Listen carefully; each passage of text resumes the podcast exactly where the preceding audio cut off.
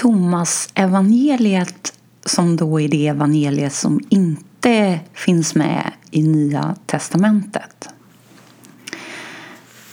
inleds, alltså första paragrafen i Thomas evangeliet inleds eller lyder så här.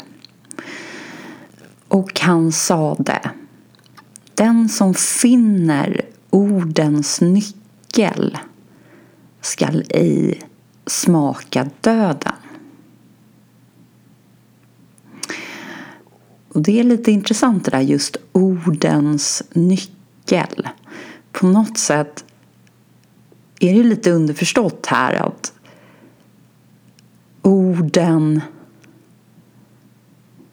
ska låsa upp eller på något sätt öppna upp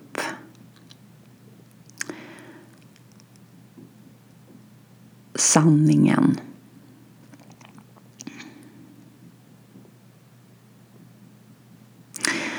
Och även i Johannes evangeliet så har Jesus gjort ett liknande uttalande som lyder så här på engelska. Very truly I tell you whoever obeys my word will never see death.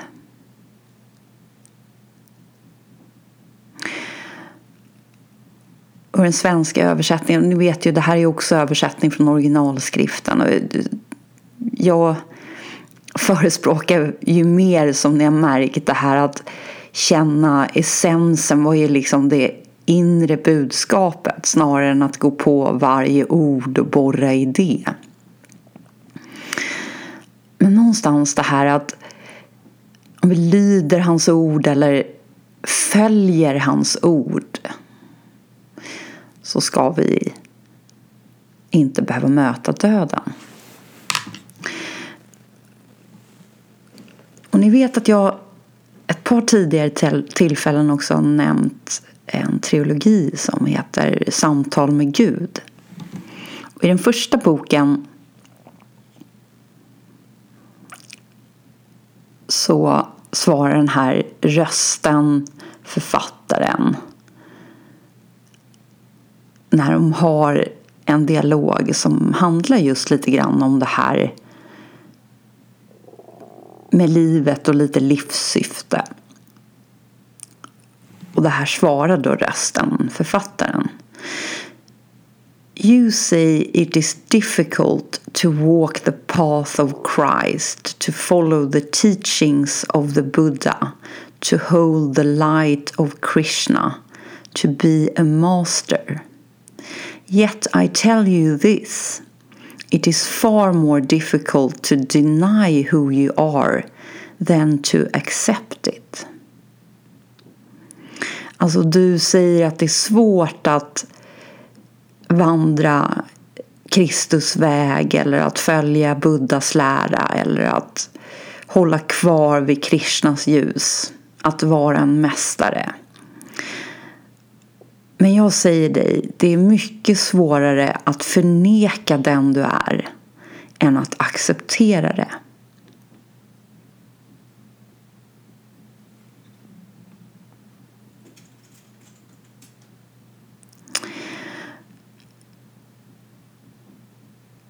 Så någonstans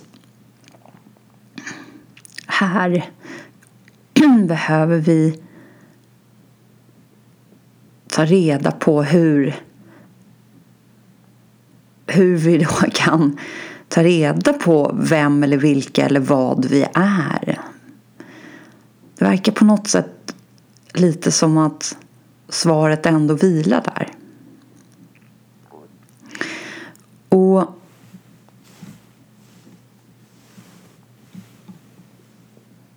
det också i Thomas evangeliet den tredje paragrafen så ger Jesus lite vägledning om det här. Han säger så här. Om era ledare säger till er, si kungariket är i skyn, då ska himlens fåglar vara före er. Om de istället säger till er, det är i havet, då ska fiskarna vara före er. Men kungariket är inom er och det är utom er. När ni känner er själva, då skall ni bli kända. Och ni kommer att veta att ni är den levande Faderns barn. Men om ni inte känner er själva, då är ni i fattigdom. Och ni är fattigdom.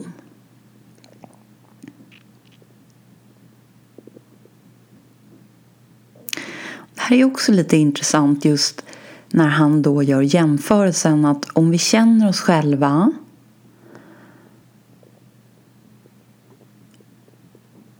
så kommer vi bli kända.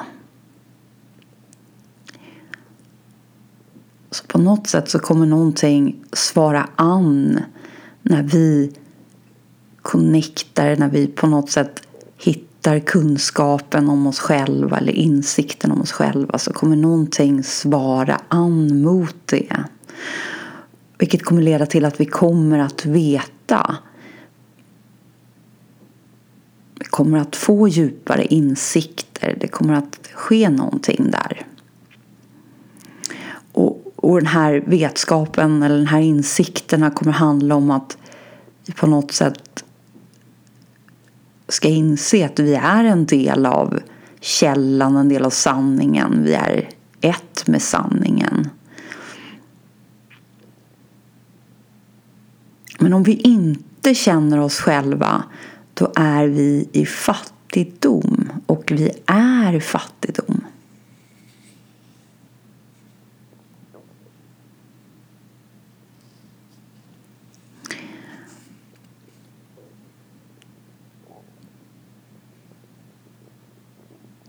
Och det där är ju lite intressant också att på något sätt när vi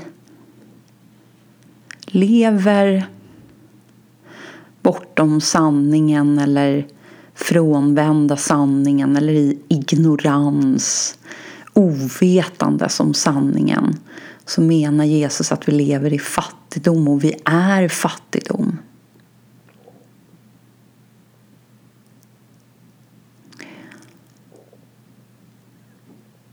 Det är någonstans så att vi inte tillgodogör oss en outsinlig källa i våra liv utan vi istället försöker hantera och klara av våra liv på egen hand.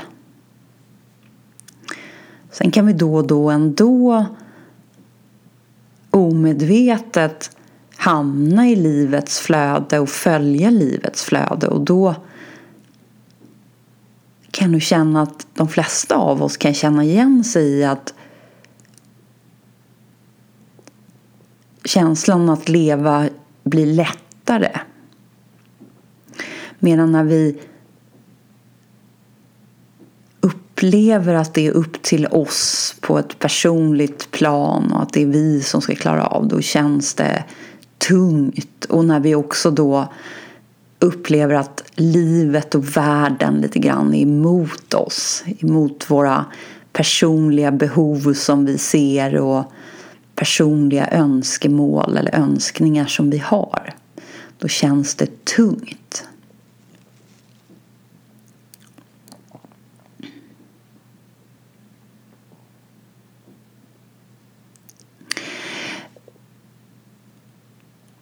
Kort bara det här med att känna sig själv, det är ju absolut inte på något sätt så att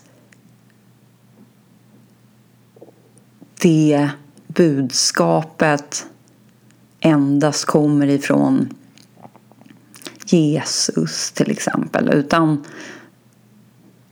på något sätt har det funnits med fram och tillbaka genom om vi får kalla det för historien och även olika filosofiska inriktningar och olika religiösa inriktningar. Och redan på 700-talet före Kristus i det gamla grekiska riket så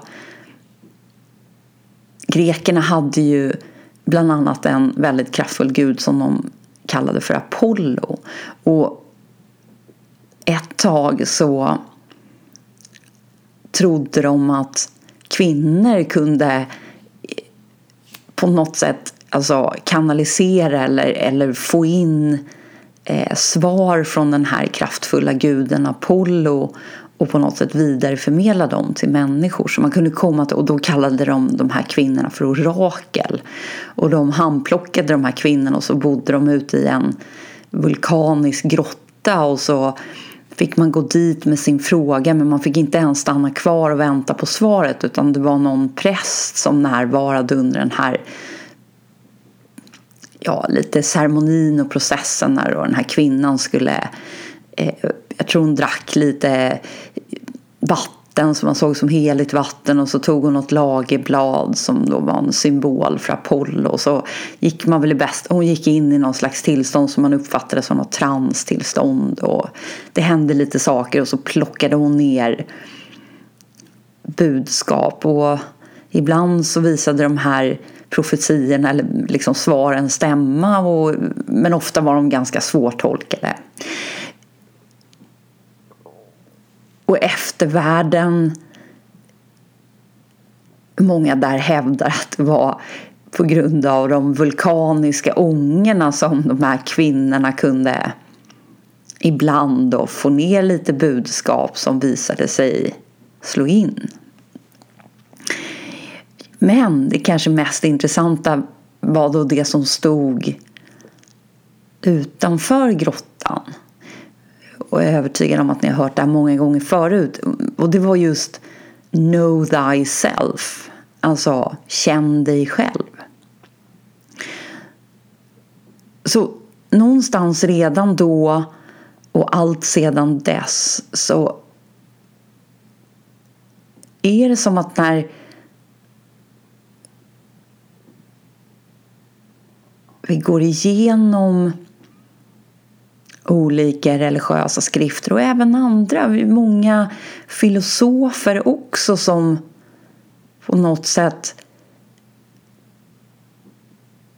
utgår ifrån att faktiskt se närmre på sig själva. För det är ju någonstans där som vi kan få lite mer direkta svar så fort vi går till någon annan så blir det lite det här att vi, vi följer det någon annan säger och intellektuellt så känns det bra och vi känner oss övertygade intellektuellt och den andra människan eller de här andra människorna känns väldigt trovärdiga och det de säger känns trovärdigt.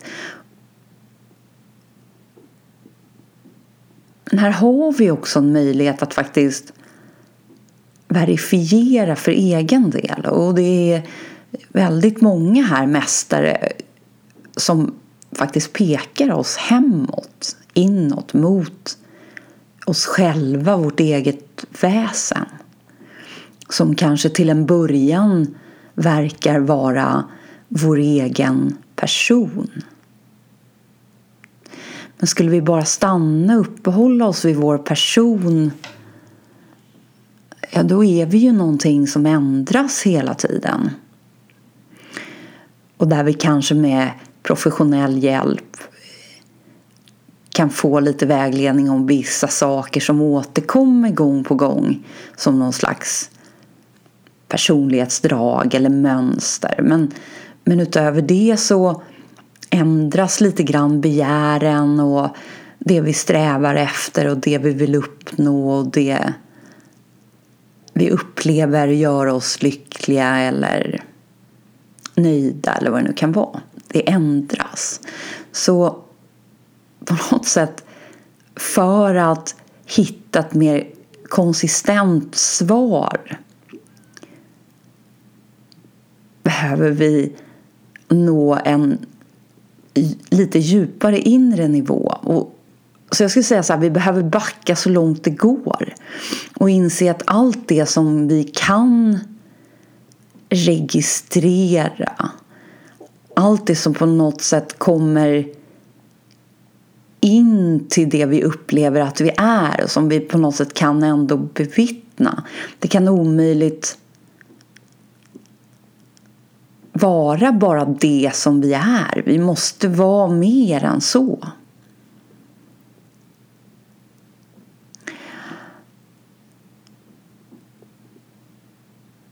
Och kanske också så småningom inse att allt det som vi kan registrera, allt det som vi upplever kommer in till oss i form av tankar, känslor, intryck, sinnliga intryck. Att vi kanske framför allt är bevittnandet av det snarare än någonting som är direkt kopplat till det. Därför att väldigt många av de tankar som passerar vårt medvetande varje dag märker vi inte ens av. På samma sätt som väldigt många av de intryck som finns runt omkring oss varje dag är ingenting som vi medvetet registrerar och tar in. Så på något sätt så verkar det ju som att någonting lite grann gör ett medvetet eller omedvetet val. Och den eller det som gör det verkar på något sätt lite utanför eller bortanför det som den är medveten om eller väljer att ta in.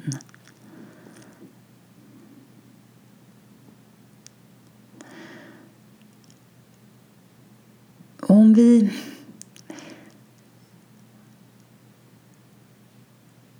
försöker vara lite mer i, i vår egen klokskap eller klokhet som jag vet att vi alla har där så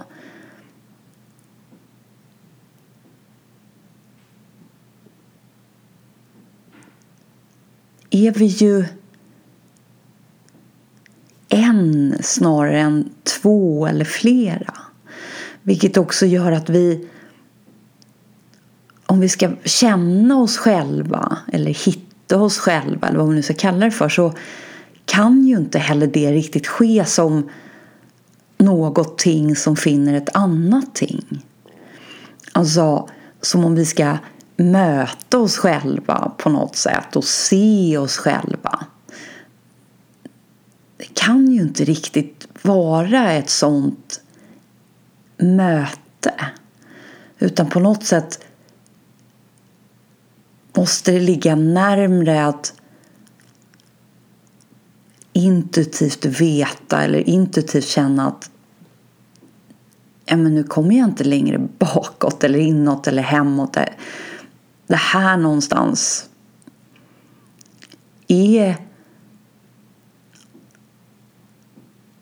mitt sista steglösa steg. Alltså nu har jag på något sätt landat med min uppmärksamhet så långt hem som jag känner att jag kan nå. I någon slags känsla av varande eller av att bara veta att vi existerar utan att vi går vidare med någon tanke och funderar över som vad. Utan bara liksom till att börja med vara med vårt medvetande i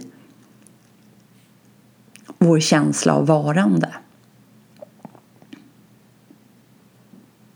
Så att känna oss själva handlar, skulle jag säga, mer om att backa hem någonstans så att vi egentligen drar oss ur illusionen om oss själva, drar oss ur lögnen, vilket låter hårt, mer illusionen om oss själva, den uppfattning som vi tidigare haft om oss själva. Att vi liksom backar lite grann, vi drar oss ur den med vårt medvetande. Och vi landar i att vi lite grann bara är.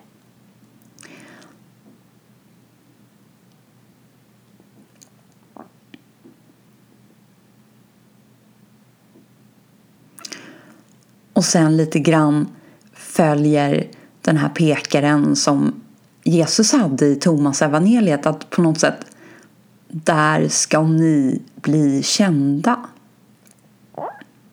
Så på något sätt börjar det med att känna er själva att rikta ert fokus, rikta er uppmärksamhet hem till er själva. Och lite också som Maharaj fick höra av sin mästare att du är inte vad du tror dig själv vara eller det du tar, what you take yourself to be.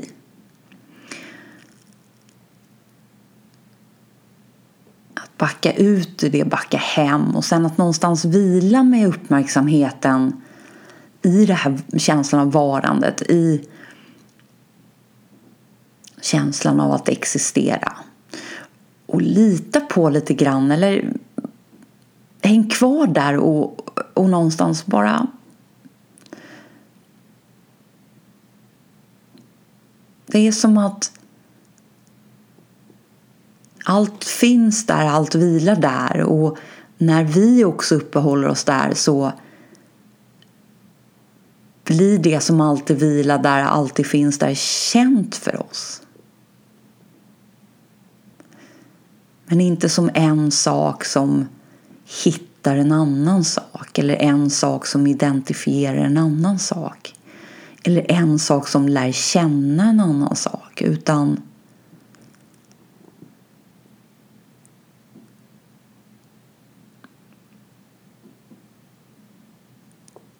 som en självkännedom som successivt växer trots att den egentligen inte växer för den vilar alltid där men på något sätt blir den den uppenbaras i takt med att det andra fejdar lite grann.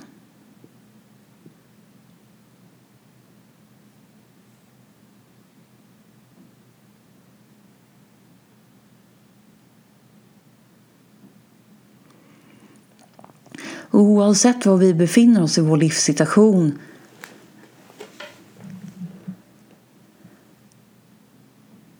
så är det här någonting som vi ändå kan ägna en liten stund åt.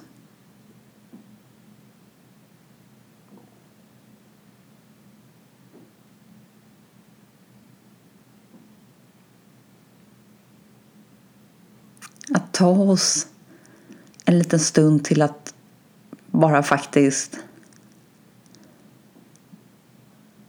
på riktigt verifiera det som ligger till grund för det som vi varje dag benämner som jag.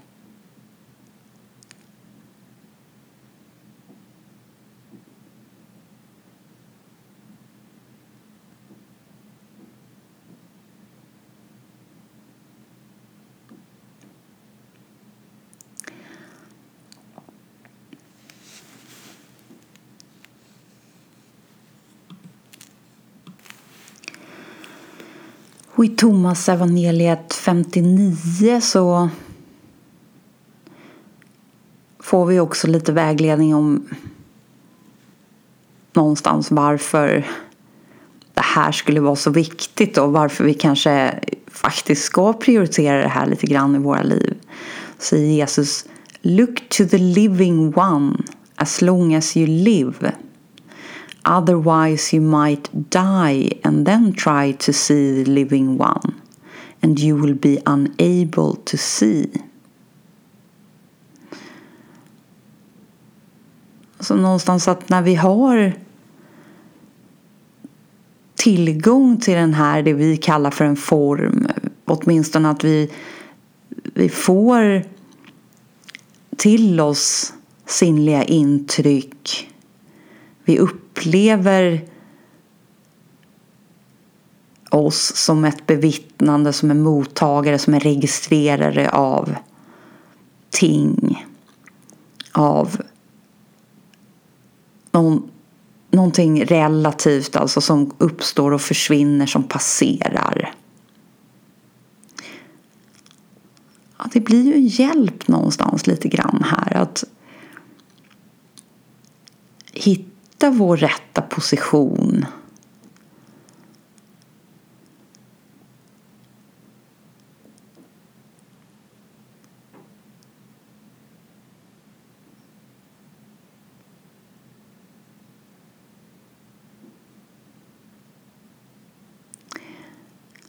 Genom att konstatera lite grann att det som faktiskt uppstår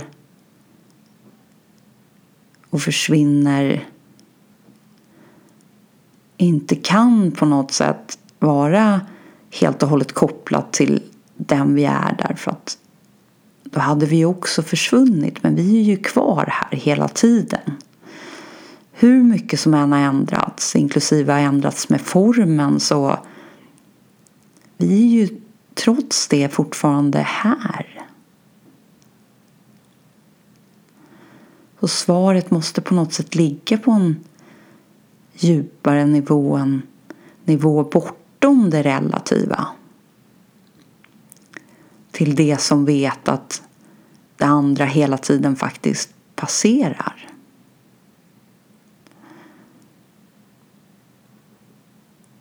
lite det som Augustinus ändå lyckades konstatera att framtiden är någon slags förväntan som glider in i nuet ett ögonblick och sen fortsätter in som ett minne. Jag skulle säga att det är en intressant reflektion och ett intressant konstaterande men vem konstaterar det? Vem eller vad är det som är den övertygelsen konstaterar att det måste vara så här. Det kan inte vara på något annat sätt. Den som gör det, är den närmre den vi är eller är den utanför det vi upplever att vi är?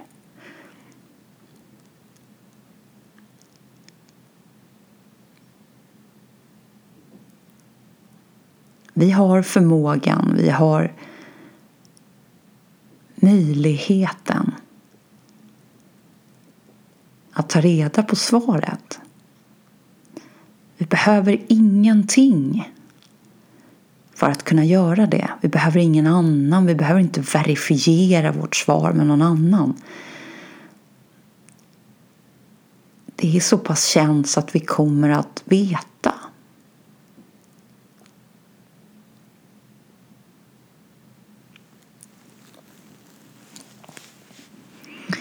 För i sanning så kan ingen annan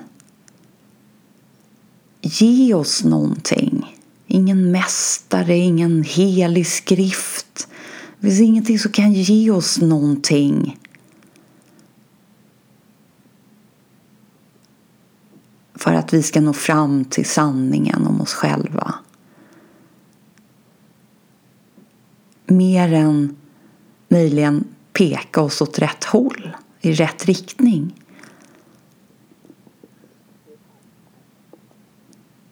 Men till slut måste vi också inse att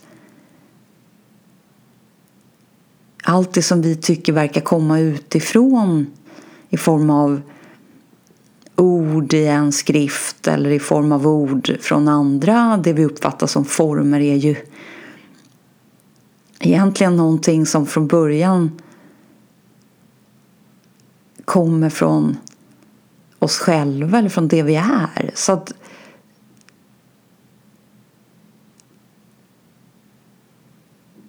vi måste på något sätt vara villiga att till slut släpp, lämna det. Vi behöver inte släppa, men lämna det också. Och bara löpa, följa, löpa linan tillbaka till alltings början.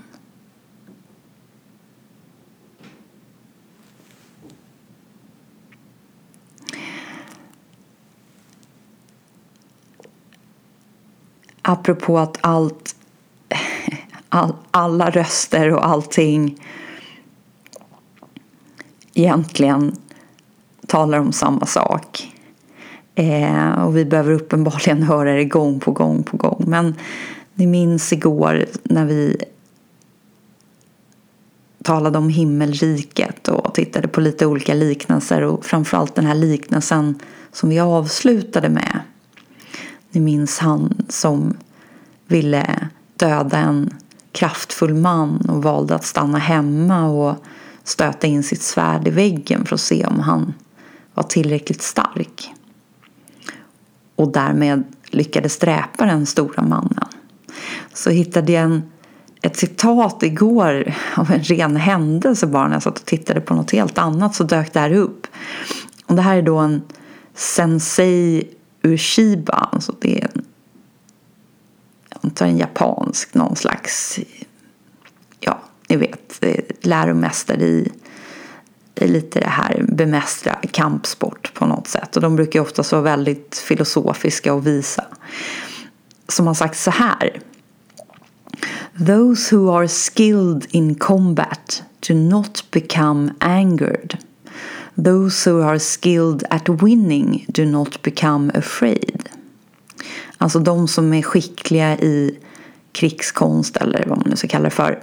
De blir inte arga och de som är skickliga på att vinna blir inte rädda. Men nu kommer vi till slutklämmen här. Thus, alltså på något sätt på ett djupare plan så översätter han allt det han har sagt innan med det här. The wise win before the fight. Den vise vinner innan det är dags att strida. While the ignorant fight to win. Så den vise, den som på något sätt har nått fram till sanningen, han vinner innan han ska fighta. Medan den ignoranta han fightar för att vinna.